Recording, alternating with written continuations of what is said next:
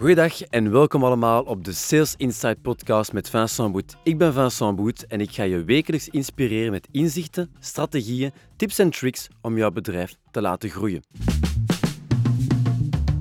Goedendag met Vincent Boet. Ik ga jullie vandaag inspireren met een heel belangrijk verschil. Een verschil tussen omzet en sales.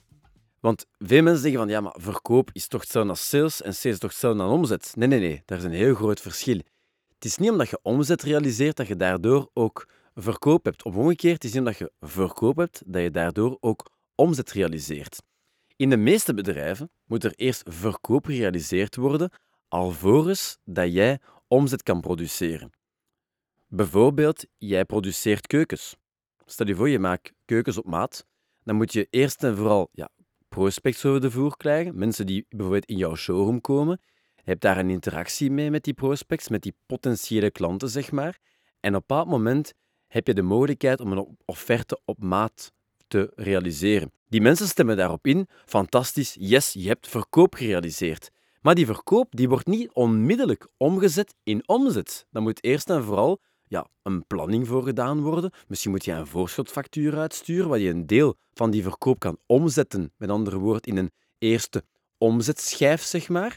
En in functie van de uitvoering en de planning en de organisatie, de tijd dat je die keuken kan gaan realiseren, wordt dit op dat moment pas omgezet in effectieve eindfactuur. Dus het verschil tussen verkoop en omzet is meestal een bepaalde termijn dat daarover moet gaan. Je moet ervoor zorgen dat jouw bedrijf de mogelijkheid geeft om dit in productie te laten gaan. Dat jouw verkoop kan omgezet worden in omzet door middel van de toestroom zeg maar, van datgene dat jij doet. De werkwijze dat jij in feite gaat gaan hanteren. Als jij een productiebedrijf hebt, is dat heel eenvoudig. Kan je rekening houden met ja, de levertermijnen, zeg maar. Maar van bedrijf tot bedrijf kan dit absoluut andere gedaantes aannemen. Dus verkoop is niet altijd hetzelfde als omzet. Ben jij bijvoorbeeld een bakker of een slager, dan is het heel eenvoudig. Elke keer dat jij een pistolet verkoopt, dan heb jij op dit moment ook, als je naar de kassa gaat, ook effectief, ook direct ook omzet gerealiseerd. Het wordt onmiddellijk omgezet in verkoop. Snap je? Dus het is belangrijk dat je rekening houdt met in je doelstellingen dat je gaat plaatsen, dat er een verschil is tussen omzet en verkoop. Verkoop wordt eigenlijk eerst gerealiseerd en na verloop van tijd kan je dit gaan omzetten in effectieve omzetcijfers. En wanneer ik werk met verschillende ondernemers, merk ik dat zij meestal geen doelstellingen hebben. Ze hebben niet echt een heel concreet doel waar ze naartoe gaan. Ze, als je met hen spreekt en je vraagt ze, zeg, wat zijn juist de doelstellingen? Ja, hetzelfde als dit jaar, maar een beetje beter. Dat is meestal het antwoord dat je krijgt. Dat op zich kan dat wel, maar ze weten dus meestal zelf niet wat het omzetcijfer is die ze vorig jaar of vorig boekjaar hebben gerealiseerd. Of ze moeten een boekhouder daarvoor contacteren. Dus als jij je herkent in deze situatie, dan zou ik je absoluut ook aanraden om daar naar te kijken. Om te weten, ja, hoeveel moet je omzetten, hoeveel moet jij realiseren, zeg maar, om één, levensvatbaar te zijn, om break-even te zijn, om te kunnen blijven verder bestaan, maar ten tweede ook om doelstellingen te plaatsen die jou motiveren waar je een bepaald persoonlijk inkomen uit kan krijgen. Ik geloof in het feit dat je als ondernemer een bepaalde return, een bepaalde compensatie moet krijgen voor het risico dat jij neemt, voor de harde uren dat jij werkt ook in je bedrijf. Dat op een bepaald moment je persoonlijke situatie, je persoonlijke financiële middelen moeten afkomstig zijn in feite van datgene dat jij omzet ook als bedrijf. Je moet daarvoor gecompenseerd worden. Een bepaald rendement komen op de inspanningen die jij realiseert. Dus je moet, als jij je doelstelling gaat plaatsen, rekening houden enerzijds met wat moet ik minimum omzetten, maar daarnaast ook wat is eigenlijk een valabel loon, een valabel return die je moet krijgen op de inspanning die ik lever. Dus je neemt je minimum dat je moet bekomen, zeg maar, qua omzet om levensvatbaar te zijn en daaraan toevoegen welke marge, zeg maar, welke extra inkomen dit moet gaan realiseren dat jij naar jezelf kan toebrengen. Uiteraard gaan de mensen die nu luisteren, die wat financieel zijn onderlegd, die misschien halve boekhouders zijn, zeggen ja, maar je moet toch rekening houden met liquidatiereserves en de belastingen erop en bepaalde vennootschapbelastingen en de verschillende constructies die er zijn. Absoluut wel waar. Laat je op dat vlak heel goed omringen door een fiscalist. Maar je moet wel kijken van, kijk, stel, ik moet 500.000 euro omzet, dat je zegt van, van die 500.000 moet er toch minimaal 80.000 euro extra zijn voor de zaakvoerder, voor alle risico's die ik neem en alle inspanning die ik lever.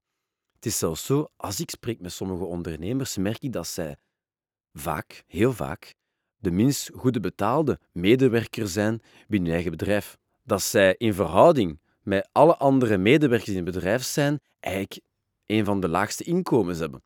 En als dat bij jou ook het geval is, ja, dan zou ik u aanraden om dat zeker te gaan opschalen of misschien manieren te vinden om dit inkomen ook voor jou te kunnen laten schalen. Door middel van upselling te realiseren, u een prijsoptimalisaties te gaan doen, op een bepaald moment ja, zien dat je je huidige klanten meer kan laten spenderen, uiteraard.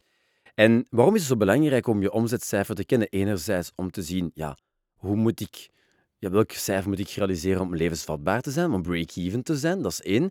Maar daarnaast ook, het motiveert u. Het is een soort doel. Het is ergens waar je naartoe kunt groeien. Ik ga je een voorbeeld geven. Als jij, een heel mannelijk voorbeeld trouwens, als jij graag voetbalt, dan kun jij bij wijze van spreken gewoon een bal, als je een bal gewoon op een veld smijt en je zet daar wat kinderen of zelf begint er zo te spelen, is het heel fun.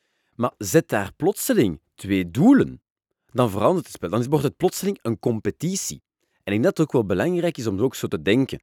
Want als ondernemer ben jij altijd in competitie. Het zij met jezelf of met de verschillende leveranciers, de mensen die je het een en ander aan je mouw trekken om terugbetalingen te doen, de banken zeg maar. Er moet op een bepaald moment een soort competitie. Je bent ook in competitie ook met concurrenten rondom jou. En wat is dat omzetcijfer? Even volgt ook in die metaforen. Dat is het scorebord. Als je voetbalt, wil je ook wel weten wie is het winnen. Wie is degene, hoeveel tijd is er nog? Wie gaat uiteindelijk deze match winnen? En in omzetcijfer is dat niet anders. Op een bepaald moment moet je een soort dashboard hebben. Je moet kunnen kijken, waar ga ik naartoe? Waar sta ik er momenteel voor? Waar is het doel? En vooral, ja, hoeveel tijd heb ik nog om hier nog te winnen? En daarvoor dienen dus dashboards, daarvoor dienen ook doelstellingen. Maar hou dan wel rekening met het feit dat je twee verschillende dashboards moet maken. Enerzijds één met betrekking tot je omzetcijfer en anderzijds één met betrekking tot je verkoopcijfer. En de truc is om ervoor te zorgen dat jouw omzetcijfer altijd een beetje in competitie is met je verkoopcijfer. Hoe meer je verkoopt, hoe meer dat je weet dat je op termijn je productie onder druk zal zetten. Het is zelfs zo, hoe meer je verkoopt, hoe meer je weet van oei, ik ga hier echt een gigantische druk zetten op mijn uitvoering. Ik zet mezelf eigenlijk in de shit. En dus eigenlijk werkt je, hoe meer ik verkoop, als ik meer verkoop dan ik eigenlijk heb opgezet deze maand, als ik meer omzet gerealiseerd heb dan ik eigenlijk verkoop heb gerealiseerd, dat betekent dat je eigenlijk ja, je orderboek aan het zakken is. Als je daarnaast meer verkoop gerealiseerd hebt dan omzet deze maand, betekent dat je eigenlijk jezelf in de shit aan het werken bent. Je orderboek is eigenlijk groter aan het worden. Je levertermijnen worden groter. Dus als je rekening daarmee houdt, als jij weet van ik heb een bepaalde termijn nodig om er een verkoop om te zetten in omzet, dan weet je ook dat je bepaalde investeringen zult moeten maken om je productieproces te gaan verbeteren, om zo meer omzet te gaan laten uitstromen uit je bedrijf. Dus hou daar rekening mee. Zo kan je effectief ook forecasts maken. Je kan op basis daarvan voorspellingen gaan realiseren. Je weet op basis van datgene je aan het verkopen bent, dat je op een bepaald moment je omzet onder druk zal zetten. Dus kan je ook beslissingen nemen in extra productie, extra medewerkers, extra investeringen, extra materiaal, extra grondstoffen, om ervoor te dat je de extra verkoop die je gerealiseerd hebt effectief kan omzetten in omzet.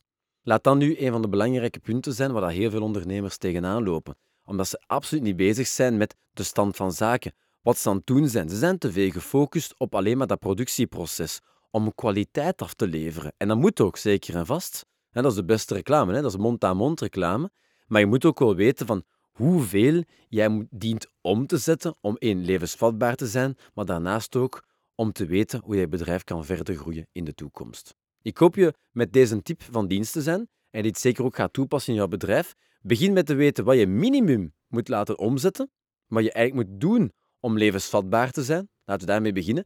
Kijk dan welk rendement dat jij wilt halen op jouw investeringen welke marge, welk inkomen jij eruit moet halen. En hou er rekening mee dat niet de minst goed betaalde medewerker moet zijn binnen je bedrijf. Je mag als ondernemer absoluut wel gecompenseerd worden ook voor al die inspanningen. En dan ten derde, kijk dan ook naar ja, welke doelen dat jij gaat gaan realiseren, dat jij voor ogen hebt, die je kunnen motiveren om vooruit te gaan. Alright? En hou dan rekening met twee dingen. Enerzijds, omzet is niet gelijk aan verkoop. En vooral, hou rekening met bepaalde targets die je moet gaan instellen om zo te kunnen gaan bijschakelen, bijsturen, om ervoor te zorgen dat in functie van de extra verkoop die jij realiseert, dat je daar ook beslissingen kan nemen om je omzetcijfer te laten verruimen. Ik hoop je hiermee van dienst te zijn. Pas het toe. En vooral, heb je nog vragen? Doe een reach-out. Ik ga deze vragen ook zeker en vast, of toch mijn best doen, om dit ook toe te passen en ook u aan het woord te laten in de volgende podcast. Vond je dit waardevol? Dan is er maar één ding je moet doen. Dit delen met jouw omgeving. Een comment achterlaten. Of nog beter, je subscriben. En hopelijk zien we elkaar snel. Bye bye.